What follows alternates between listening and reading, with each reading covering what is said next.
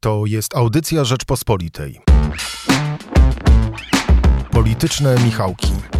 Zapraszają Michał Szułdrzyński i Michał Kolanko. W piątek 24 czerwca, w ostatni dzień roku szkolnego, witam serdecznie w Politycznych Michałkach. Razem z Michałem Kolanko będziemy analizowali e, to, co wydarzyło się w koalicji, to trzęsienie ziemi, e, którego wszyscy się spodziewali, a jednak wywołało sporo emocji, e, ponieważ zupełnie przypadkiem dowiedzieliśmy się, że Jarosław Kaczyński już od ponad tygodnia nie jest członkiem e, rządu ani wicepremierem. Zastanowimy się, jakie są szanse Mariusza Błaszczaka na budowę pozycji delfina, do której namaścił go Jarosław Kaczyński, a także jak po odejściu Jarosława Kaczyńskiego z e, rządu będzie wyglądał los koalicji, a przede wszystkim relacje pomiędzy premierem Mateuszem Morawieckim i ministrem sprawiedliwości Zbigniewem Ziobro, bo przez ten czas, gdy Jarosław Kaczyński był w rządzie, po to, żeby pogodzić tych dwóch polityków, e, relacje pomiędzy nimi stały się jeszcze gorsze. Zapraszam na polityczne miałki. Michale, Jesteś obserwatorem naszej sceny politycznej już od e, wielu lat.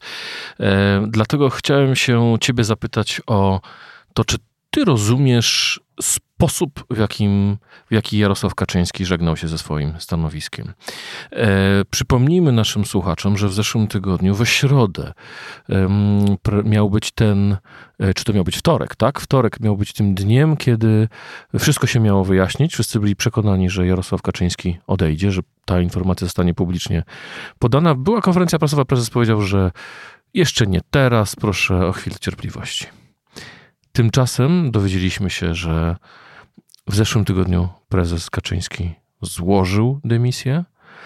Została ona przyjęta najpierw przez premiera, potem w piątek po Bożym Ciele, był to 17 dzień czerwca, została przyjęta przez prezydenta, a o wszystkim opinia publiczna dowiedziała się dopiero w poniedziałek, 20, we wtorek, 21 e, czerwca, z porannej depeszy Polskiej Agencji Prasowej, gdy Jarosław Kaczyński, pytany przez dziennikarzy, prawdopodobnie w poniedziałek wieczorem, czy podjął już decyzję, kiedy odejdzie z rządu, powiedział: Ja?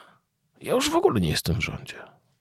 Michał, no, czy nie można wprost powiedzieć, odchodzę, zgłaszam, podaję się do dymisji, moja misja zakończona, tylko trzeba robić jakiś taki dziwny cyrk z tego wszystkiego. Przepraszam, że używam tego słowa cyrk, ale e, bardzo mnie nurtuje, bo mam wrażenie, że to bardzo wiele mówi o sposobie działania prawa i sprawiedliwości. Znaczy ja myślę, że to wiele mówi też o sposobie działania e, samego prezesa Kaczyńskiego, który no chyba po prostu całkowicie za nic ma jakąkolwiek taką um, otoczkę polityki, tak?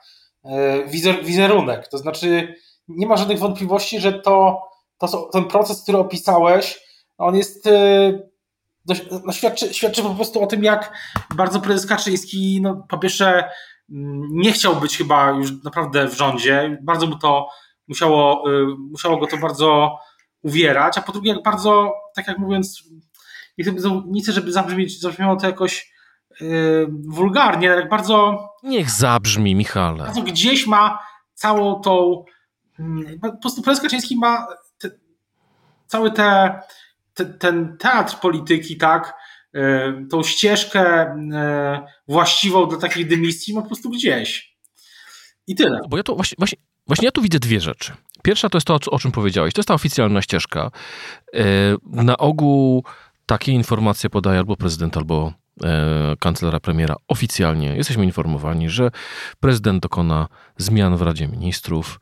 Tymczasem we środę, tak, we środę podczas konferencji prasowej Andrzej Duda powiedział: Odwołałem Jarosława Kaczyńskiego pięć dni temu. I dopiero wtedy się wszyscy dowiedzieli, że Jarosław Kaczyński był odwołany e, prawdopodobnie w piątek, e, a dzięki pytaniom, które, jeżeli dobrze pamiętam, e, Dominika Długosz z Newsweeka zadała kancelarii premiera, wiemy, że ta dymisja Jarosława Kaczyńskiego nosi datę wtorkową, czyli to 14 czerwca Jarosław, ją, Jarosław Kaczyński ją złożył. I tutaj jakby jest ta właśnie rzecz druga, czyli, czyli kwestia dotycząca jedna z tych kwestii dotycząca właśnie no jednak ignorowania takich no, Kon, ale to nie są konwenanse, wiesz, dlatego że jednak konstytucja y, opisuje ten cały proces, y, wiesz, przemiany, powoływania, odwoływania władz i tak dalej, dlatego że mm, on pokazuje transparentny sposób pochodzenia władzy że obywatele wybierają posłów, w Sejmie powstają kluby, e, powstaje pewna większość, ta większość powołuje premiera, e, prezydent jest wybierany również przez obywateli w bezpośrednich wyborach, a tutaj Jarosław Kaczyński ostentacyjnie daje nam znać, że to on wszystkim rządzi, że prezydent i premier pełnią tylko funkcje całkowicie papierowe, ponieważ to on, jak nie chce, to nie mówi o tym, że odchodzi, a jak chce, to z drugiej strony mówi o tym opinię publiczną. Tak, mówisz, no to nic nie stało na przeszkodzie, żeby w chwili, gdy ta dymisja została złożona, o niej y, odpowiednie i kancelaria premiera i y, prezydenta o niej poinformowały, tak? Ale jednak y, premier i prezydent czekali na depesze PAP. No więc to jest właśnie jedna rzecz. A druga rzecz jest taka, to, to, są, to, to są te konwenanse, a druga rzecz, to ty powiedziałeś, że prezes chce pokazać, że mm, użyłeś słowa ma gdzieś, to to ja tutaj je zacytuję, ale ja mam wrażenie jednak, że to jest taka trochę cecha ktoś może powiedzieć, że to jest pewna obsesja e, związana z. E, ale tutaj zupełnie nie, nie, nie chodzi o obsesję, dlatego że ja mam wrażenie, że tutaj mamy świadectwo pewnego krętactwa, czy takiej, pa, takiej patologicznej niechęci PiSu do do przejrzystości e, sprawowania władzy. Nigdy nie dowiadywaliśmy się niczego. Zawsze, gdy można było coś utajnić, PiS utajniał. Gdy dziennikarze pytali, e, odpowiedzi nie przychodziły. Gdy posłowie opozycji pytali coś w interpelacjach, to termin ustawowy był przekraczany wielokrotnie i tak dalej. Zawsze trzeba było się chować, ukrywać, nie mówić prawdy, mówić półprawdy, albo czasami całkowicie wprowadzać opinię publiczną w błąd. Czemu PiS tak ma?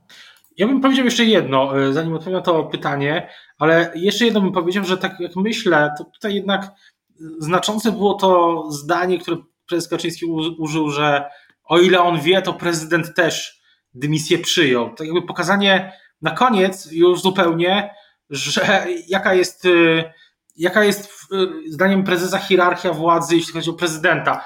Pierwsza osoba w państwie, tak? O ile wiadomo, prezesowi przyjęła E, jego rezygnację z, z rządu. To myślę, że, że prezes nie wiedział, czy Andrzej Duda przyjął rezygnację, ponieważ kancelaria prezydenta nie poinformowała w wykazie postanowień prezydenta tego, że podpisał postanowienie o odwołaniu Jarosława Kaczyńskiego tak. ze składu Rady Ministrów. No tak, to wszystko się to wszystko zostało rzeczywiście wyjaśnione dopiero we wtorek, y, środę. Natomiast y, wydaje się, że to też była taka próba na koniec pokazania Zresztą ja uważam, że dosyć dziwna w dzisiejszej sytuacji, ale widać, prezes Kaczyński, e, mówię zwłaszcza o, o tym, e, no, że prezydent Duda musi zgodzić się de facto na ważne dla PiSu przesunięcie e, terminów wyborów samorządowych, że, że mimo tego prezes Kaczyński naprawdę uznaje, że można tak, tak o prezydencie powiedzieć. Natomiast brak tej transparencji, no, to jest dobre pytanie. Mimo, mimo tego, i to też widać w, w, w, takich systemowych sprawach, tak? To znaczy e, sprawach dostępu do informacji publicznej, jawności, transparencji, e, rzeczach, które mm, widzimy na, na przestrzeni ostatnich, ostatnich lat. Tak jakby wbudowane było w jakimś sensie to, o czym, o czym, o czym ty mówisz. Ale ja widzę tu jednak bardziej przyczyny polityczne. Znaczy, prezes Kaczyński ostentacyjnie chciał pokazać, że kto tu rządzi, jeszcze, jeszcze raz i ponownie. A na dodatek zrzucił we wtorek wieczorem e, taką małą bombkę, bombę na Prawo i Sprawiedliwość, mówiąc, że Mariusz Błaszczak może go zastąpić e, we wszystkich funkcjach.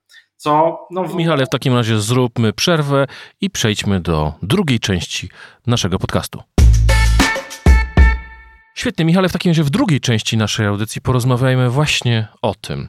E, Jarosław Kaczyński w nie tylko mm, e, zafundował przytyczek w nos Andrzeja Dudy, ale również wyniósł mm, Mariusza Błaszczaka tym zdaniem, na które zwracałeś uwagę, że on zastąpi go nie tylko na stanowisku mm, wicepremiera do spraw bezpieczeństwa, ale również jako um, jego zastępca czy następca w wielu innych, czy wszystkich funkcjach publicznych, choć tam zastrzegł się, że właściwie w tej chwili nie powinien o tym mówić, ale jednak to powiedział, a zawsze gdy Jarosław Kaczyński kogoś namaszczał, to ten ktoś miał następnie mnóstwo problemów. Więc zacznijmy od tego, czy Jarosław Kaczyński chciał namaścić Mariusza Błaszczaka? To jest pytanie, które, które, na które, na które na pytanie, na które odpowiedzieć może niestety nieobecne w trakcie naszych, naszego podcastu prezes Kaczyński, natomiast y, na pewno, na pewno tylko on wie, jaki był cel tego, tej deklaracji, bo później politycy PiS w zasadzie w kuluarach tak y, nie bardzo byli też do końca, tak jak ja przynajmniej miałem takie wrażenie, że nie bardzo byli pewni, co to znaczy. Czy to jest taki balon próbny, czy to jest właśnie sprawdzian dla y, samego Błaszczaka, być może jego otoczenia, dla wicepremiera y, Błaszczaka, jego otoczenia, żeby sprawdzić, jak się teraz będzie zachowywał, co, co zrobi, czy będzie się stroił w. No, delfiny nie mają piór, ale no, w delfinie szaty, Delfinie też, no dobra, ale okej. Okay, no. Może łuski? A nie, bo to, to nie jest ryba, tylko ssak. No, delfinią skórę.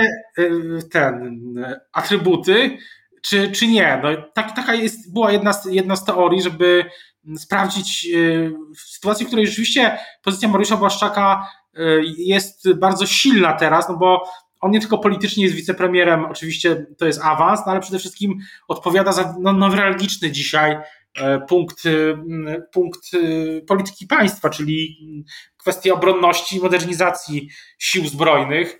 Zresztą zwracali też uwagę na to komentatorzy, na przykład redaktor Świerczyński z polityki. I generalnie to jest być może też taki, taka, taka, taka próba pokazania właśnie, żeby się Mariusz Błaszczak na trzymał na baczności. No bo mm, kto wyżej zajdzie, zachodzi w PiSie, tym czasami ten, mm, no czasami później jest, później bywa gorzej. Rzeczywiście wszyscy wskazani na delfiny, delfinów się czasami, czasami się potykają później, tak? Mm. No, nawet przypomniał e, taką historię na Twitterze Marek Migalski, e, że rzeczywiście w jednym z wywiadów dawno, dawno temu Jarosław Kaczyński sugerował, to był rok 2010, że to on byłby kiedyś w przyszłości kandydatem e, PiS na e, prezydenta. Skończyło się karczemną awanturą między Migalskim a PiSem e, i dziś trudno znaleźć e, jakąkolwiek sympatię pomiędzy mm, Migalskiego do PiSu, mm, ale jak Twoim zdaniem teraz będą wyglądały relacje pomiędzy Mateuszem Morawieckim a Mariuszem Błaszczakiem? Obaj są wiceprezesami Prawa i Sprawiedliwości. To Mateusz Morawiecki był wskazywany jako ten mm, najważniejszy dotychczas po prezesie e, Delfin. E, jak to sobie w ogóle wyobrażasz? Czy to znaczy, że akcje Mateusza Morawieckiego już idą tak w dół, że prezes postanowił namaścić kogoś innego? A może akcje Mateusza Morawieckiego poszły w dół, ponieważ prezes pozwolił na przycinanie Morawieckiego i jego ludzi? No tak, ale z drugiej strony na przykład wcześniej, niedawno Waldemar Buda został ministrem, ministrem rozwoju. Było wiele innych też spraw, które dowiózł, które personalnie udało się Mateuszowi Morawieckiemu dowieść, no a też e, równolegle niemal to właśnie, tak jak się mówi w kuluarach, to właśnie Mateusz Morawiecki i KPRM odpowiadają za dowiezienie trzech nowych e, szabel do klubu zjednoczonej, klubu koalicji rządzącej. Więc wydaje mi się, że to jest cały czas taka ulubiona gra prezesa w balansowanie, to znaczy e, w utrzymywanie równowagi w taką niepewność, takie sprawdzanie, właśnie czy publicznymi, czy prywatnymi wypowiedziami, jak ktoś e, reaguje na takie sprawy, e, no w jakimś sensie no, strategiczne, przyszłościowe, żeby nie powiedzieć graniczne, tak? No bo rzeczywiście kto będzie prezesem PiSu, no to to jest dyskusja, która gdzieś tak, kiedyś będzie prezesem PiS po prezesie Kaczyńskim. To jest jakaś dyskusja, która od wielu lat trwa mm, i niewiele się w niej realnie dzieje. Myślę, myślę, że aktualizacja tej sytuacji nastąpi po prostu z dniem wyborów w przyszłym roku. To będzie pierwszy moment, kiedy realnie będzie można powiedzieć, e, jak, jak będzie wyglądała dalej przyszłość e, PiSu. To jest dosyć oczywiste, no ale jeśli mm, prezes, jeśli PiS utrzyma władzę w tej czy innej koalicji, no to wtedy e, moim zdaniem będzie następne pytanie, kto, kto będzie premierem, kto będzie wicepremierem, wicepremierami. E, no, możemy już pewnie stwierdzić z dużą pewnością, że nie będzie premierem ponownie ani prezes Kaczyński, ani też nie będzie wicepremierem odpowiedzialnym za jakąś e, sferę działania państwa. No tak mi się wydaje, że to już można wykluczyć, zwłaszcza biorąc pod uwagę styl, w jakim pożegnał się dosyć ostentacyjny z, z funkcją, tak? Nie uważa jej za... Ostentacyjno-tajemniczy. Ostentacyjno-tajemniczy, ewidentnie nie uważa jej za coś, nie uważał jej nigdy za coś takiego no, ważnego na tyle, żeby inaczej niż w ten sposób, jakim rozmawialiśmy, się rozstawać y, z rządem. Więc y, myślę, że pierwsza aktualizacja tego, tego takiego no, dosyć strategicznego pytania nad całą prawicą dzisiaj jest taka, będzie w dniu wyborów i w chwili, gdy one się już rozstrzygną. Natomiast e, do tego czasu, wrócić w trzecie. Jest jeszcze jedna mhm. rzecz. Tak pomyślałem sobie, że oczywiście pozycja Mariusza Błaszczaka się teoretycznie i praktycznie no, wzmocniła, ale on jednak odpowiada za bardzo też, jak wspominaliśmy, newralgiczny obszar, na którym jest wiele min. I to nie to dosłownie, nie tyle dosłownych min, co po prostu min w sensie tych programów, wydatków, opóźnień i, i tak dalej. Tutaj wiele można, wiele można zyskać, no ale wiele można też stracić. Ale y, ja mam wrażenie, bo rzeczywiście tak w trzeciej części programu chciałem jeszcze właśnie porozmawiać o tej sytuacji w samym PiSie. Natomiast teraz skończmy wątek y, Mariusza Błaszczaka, bo mam wrażenie, że jednak mm, on ma kilka atutów. To znaczy, pierwszym atutem jest to, że nikt go nie będzie krytykować za zakup sprzętu i broni w sytuacji wojny na Ukrainie. W związku z tym on, jako minister obrony narodowej, w sytuacji, gdy za naszą wschodnią granicą trwa wojna, y, będzie miał pewien immunitet. Znaczy, będzie mu po prostu więcej wolno i opozycji też trudniej go będzie krytykować, to jest po pierwsze. Mm, a po drugie, nikt nie powie, że jego awans w tej chwili jest e, niezasłużony. W tym sensie, że to nie jest wybitny minister obrony narodowej. Eksperci krytykują go za różne rzeczy, za te wszystkie niedowiezione projekty dotychczas. No teraz to wszystko ruszyło z kopyta, ale e, e, jest to no jest to pewna logika, że w czasie trwania konfliktu e, zbrojnego za naszą wschodnią granicą minister obrony narodowej awansuje na wicepremiera do spraw bezpieczeństwa i tego się nikt nie będzie czepiać. Więc w tym sensie ta sytuacja jest e, dla Mariusza Błaszczaka wygodna, tak? bo dostaje taki booster w postaci awansu, ale ciężko jak gdyby merytorycznie ten awans skrytykować i ciężko też będzie politycznie krytykować e, opozycji na przykład Mariusza Ma Mariusza Błaszczaka. Czy myślisz, że właśnie dlatego Jarosław Kaczyński spodziewa się, że um, mimo, że to nie jest polityk, który miałby jakąś szczególną charyzmę, to jednak on na tej pozycji może wyrosnąć politycznie? No, na pewno może. Pytanie tylko mm, cały czas jest, jednak wracam do tego pytania, jak się rozstrzygną wybory. I tutaj też nie mam wątpliwości, że tak jak w 2020, 2019, 2018 roku, ciężar kampanii e, parlamentarnej będzie na premierze Morawieckim i prezesie Kaczyńskim. I to, mm, to będzie też dla nich e, ważny moment, bo może być i tak, że jeśli PiS przegra wybory, to prezes Kaczyński po prostu odejdzie z tej funkcji, którą pełni, powie, że skraca kadencję. Tak sobie mogę sobie to wyobrazić. No i wtedy będzie że potrzebne jest nowe otwarcie na nowy na czas w opozycji. Jeśli oczywiście Ale w takim gra. To do wyboru Wtedy... zostało nam jeszcze chwilę i o tym, co się będzie działo do tego czasu, powiemy w trzeciej części naszego podcastu. W trzeciej części chciałem Cię właśnie, Michale, zapytać mm, naszej rozmowy mm, o to, jak widzisz e, te relacje, które, z, z, którymi zostawia rząd i obóz Zjednoczonej Prawicy Jarosław Kaczyński. Wszedł do rządu 20 miesięcy temu po to, żeby e, nie po to, żeby napisać ustawę o obronności. Włóżmy to między bajki. Prawdziwym powodem było to, że był tak poważny konflikt w koalicji, przede wszystkim między Mateuszem Morawieckim a Zbigniewem Ziobro, że Jarosław Kaczyński musiał wejść jako wicepremier po to, żeby wspierać premiera w jego bojach z Zbigniewem Ziobro. To się w ogóle przez ten 20 miesięcy nie zmieniło. Powiem wręcz przeciwnie. Chyba ten konflikt jest ostrzejszy niż wtedy. Znacznie surowiej, znacznie ostrzej w tej chwili polityce Solidarnej Polski. I sam Zbigniew Ziobro mówią o błędach rządu, o błędnej polityce europejskiej, o błędach samego Mateusza Morawieckiego niż te dwa lata temu. rzeczywiście mówią ostrzej, bo też zmieniła się sytuacja, tak? Jesteśmy dużo dalej niż 20 miesięcy temu, jeśli chodzi o procesy, unijne, czyli Krajowy Plan Odbudowy i negocjacje budżetowe, ale też jesteśmy bliżej wyborów. Myślę, że te dwa czynniki na siebie wpływają. Ja, ja pamiętam, jednak, pamiętam, że wtedy, we wrześniu, sierpniu 2020 roku, po tym jak wygrał wybory prezydent Duda po raz drugi, rzeczywiście ten konflikt w Zjednoczonej Prawicy, wtedy jeszcze w Zjednoczonej Prawicy, bo wtedy jeszcze y, był bardzo głęboki. Wtedy bardzo często się mówiło o tym, że PiS zmieni koalicjanta, to znaczy PSL wejdzie na miejsce Solidarnej Polski. pamiętam, że, że wydaje, wydaje się, że rzeczywiście było tak, że jednym z warunków y, y, tego, żeby ten konflikt się nie przerodził w rozłam, było to, żeby Jarosław Kaczyński wszedł do rządu.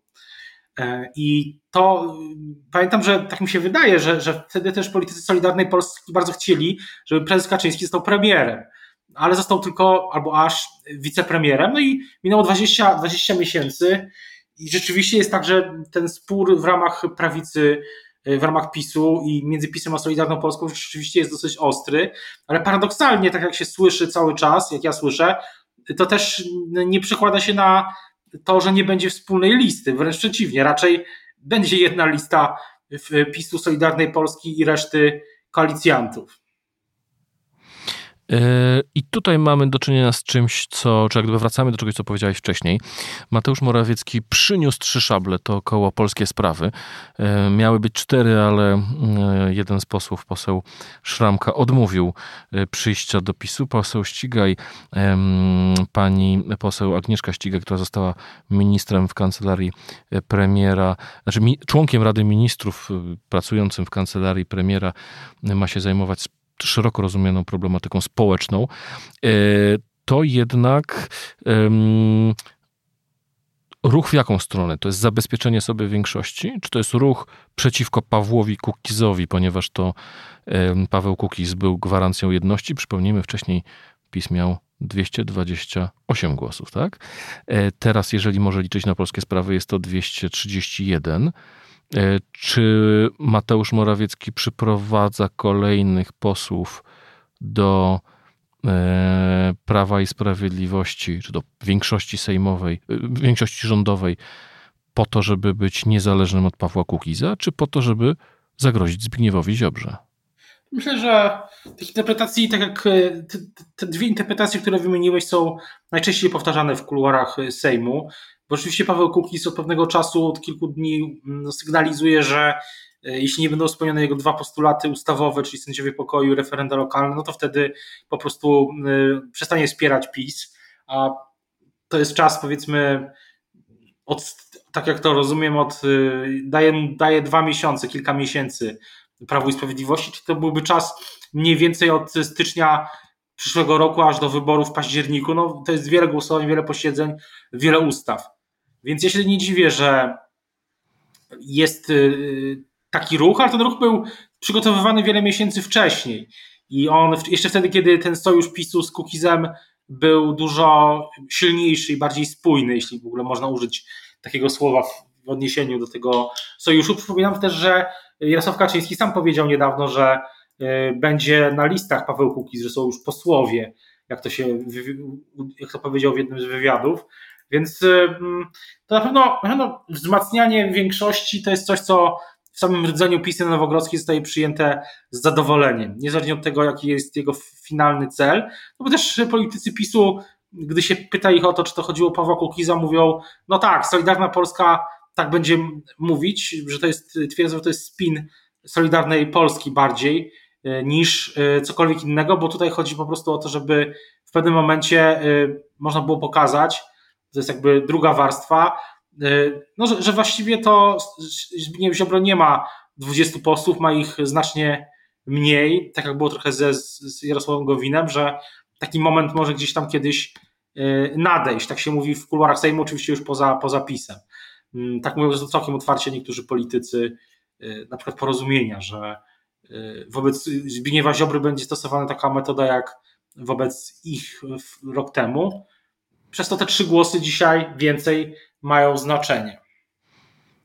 Mówisz, że posłowie Pawła Kukiza są posłowie z Jarosławem Kaczyńskim, a tymczasem czasem posłanka Agnieszka Ścigaj, minister nowa, twierdzi, że jest przed słowem, że w ogóle weszła do rządu z pobudek patriotycznych e, i nie było mowy o listach wyborczych.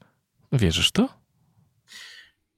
Nie do końca, ale mm, myślę, że y, tak jak ktoś dzisiaj zwrócił uwagę na, na Twitterze, że wejście w ogóle, że poseł Ściga jest y, bardzo merytoryczną osobą i tak czy owak do, dużo do rządu może wnieść, zwłaszcza w tym, z tej sferze, której, na której się zna. Więc y, ja nie, nie zdziwiłbym się, że, że trafi na listy PiS. Zależy oczywiście z którego okręgu. Pamiętam, że nas startowała z Krakowa z listy PSL Koalicji Polskiej i Kuki za 2019 roku. To w ogóle też jest taki trochę przytyczek wobec y, prezesa PSL-u, Władysława Kosiniaka-Kamysza, y, który chyba musi się z tym pogodzić, że jej na tych listach już nie będzie. No i między innymi dzięki jej dobremu wynikowi PSL-u PiS miał w tym mieście, PSL miał w tym mieście mandat e, poselski, tak samo jak w Warszawie dzięki Władysławowi Bartoszewskiemu, a ostatnio PSL-owi na, w miastach e, zbyt dobrze e, nie szło. Michale, chciałem cię jeszcze zapytać na koniec o to, co wydaje się największą osią sporów w najbliższym e, czasie, e, dlatego że coraz mocniej widać, że ten konflikt na linii, konflikt w rządzie e, jest, będzie dotyczył spraw może już nie tyle samego Izby Dyscyplinarnej, bo ten etap został zamknięty, ale raczej szeroko rozumianej e, polityki europejskiej. Czy to Unia Europejska e, zmusiła Polskę do ustępstw? Mm, współpracownicy mm, Zbigniewa Ziobro nieustannie e, używają tego sformułowania suwerenność we wszystkich znaczeniach, czy to kwestie energetyczne, tu kwestie węgla. Co, co Twoim zdaniem będzie tym najostrzejszym paliwem sporu wewnętrznego w najbliższym czasie? No niektórzy twierdzą, że mogą być to kwestie e, energetyczne e, w związku z, z wojną. E, jak, jak, to, jak, jak ty to widzisz? Ja myślę, że, ja myślę inaczej, że te sprawy, o których ty mówisz, te energetyczno, te energetyczne, transportowe, zielonego ładu, one są, to jest też kwestia podnoszona przez Zbigniewa Ziobrę w kontekście przyszłości, to dalszej.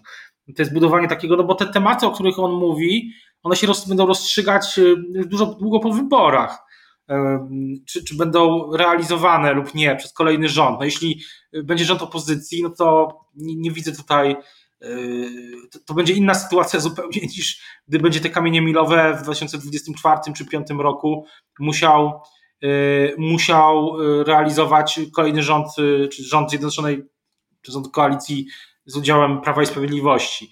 Więc myślę, że to jest zabezpieczenie się na przyszłość już w tych dalszych latach tej dekady XXI wieku. Ja jednak sądzę, że te najbliższe i tak będzie to wyglądało aż do wyborów, nawet jeśli lista będzie wspólna, bo to też wpływa na, będzie wpływało na wynik polityków Solidarnej Polski na tej wspólnej liście, jeśli do niej dojdzie. Tak, no bo jeśli oni, politycy Solidarnej Polski, chcą liczyć na dobry wynik, to muszą się jakoś odróżnić na tych listach. No i będą zapewne w kampaniach swoich indywidualnych też mówić, i cała Solidarna Polska, dosyć, dosyć paradoksalnej sytuacji, ale jednak, że no my tutaj będziemy bardziej niż PiS bronić no, tych spraw, o których też, też mówiłeś. Natomiast y, ja myślę, że jednak y, będzie rozgrywka i trwa też wokół tych kamieni milowych dotyczących praworządności i tego, jak one będą realizowane lub nie. Michale, bardzo Ci dziękuję za e, tę dzisiejszą e, rozmowę. Bardzo Państwu e, dziękujemy za uwagę. Dziękujemy Michałowi Patyrze, który realizował naszą audycję i wydawczyni Magdalenie Burkiewicz. Zapraszamy do słuchania innych audycji Rzeczpospolitej, a my słyszymy się już za tydzień w kolejnych politycznych Michałkach. Do usłyszenia. Do usłyszenia, dziękuję bardzo. Słuchaj więcej na stronie podcasty.rp.pl. Szukaj Rzeczpospolita Audycje w serwisach streamingowych.